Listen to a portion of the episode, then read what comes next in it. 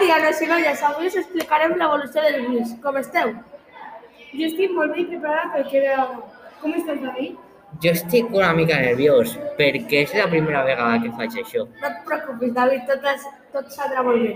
Doncs comencem.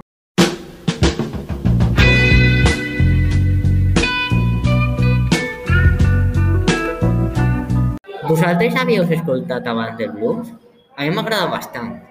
El blues va a influir a la música popular norteamericana y occidental en general, y va a arribar a formar parte de muchos géneros musicales.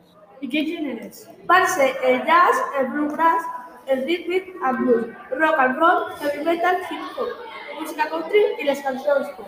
¿Y cómo va a pasar el blues a, a formar parte de todos aquellos géneros tan diferentes? Per exemple, el jazz va derivar de blues quan els intèrpretes de blues van aprendre a usar els instruments de la gent blanca cap al segle XIX. Que interessant.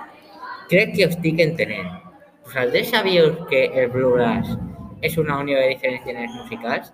El blues és un d'ells, així que es podria dir que, eh, que aquest gènere també, pot, també ha evolucionat del blues.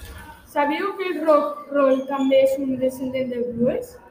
El, el terme primer es va utilitzar per referir-se al rhythm, als blues, al blues i té elements de blues, boogie-boogie i del jazz.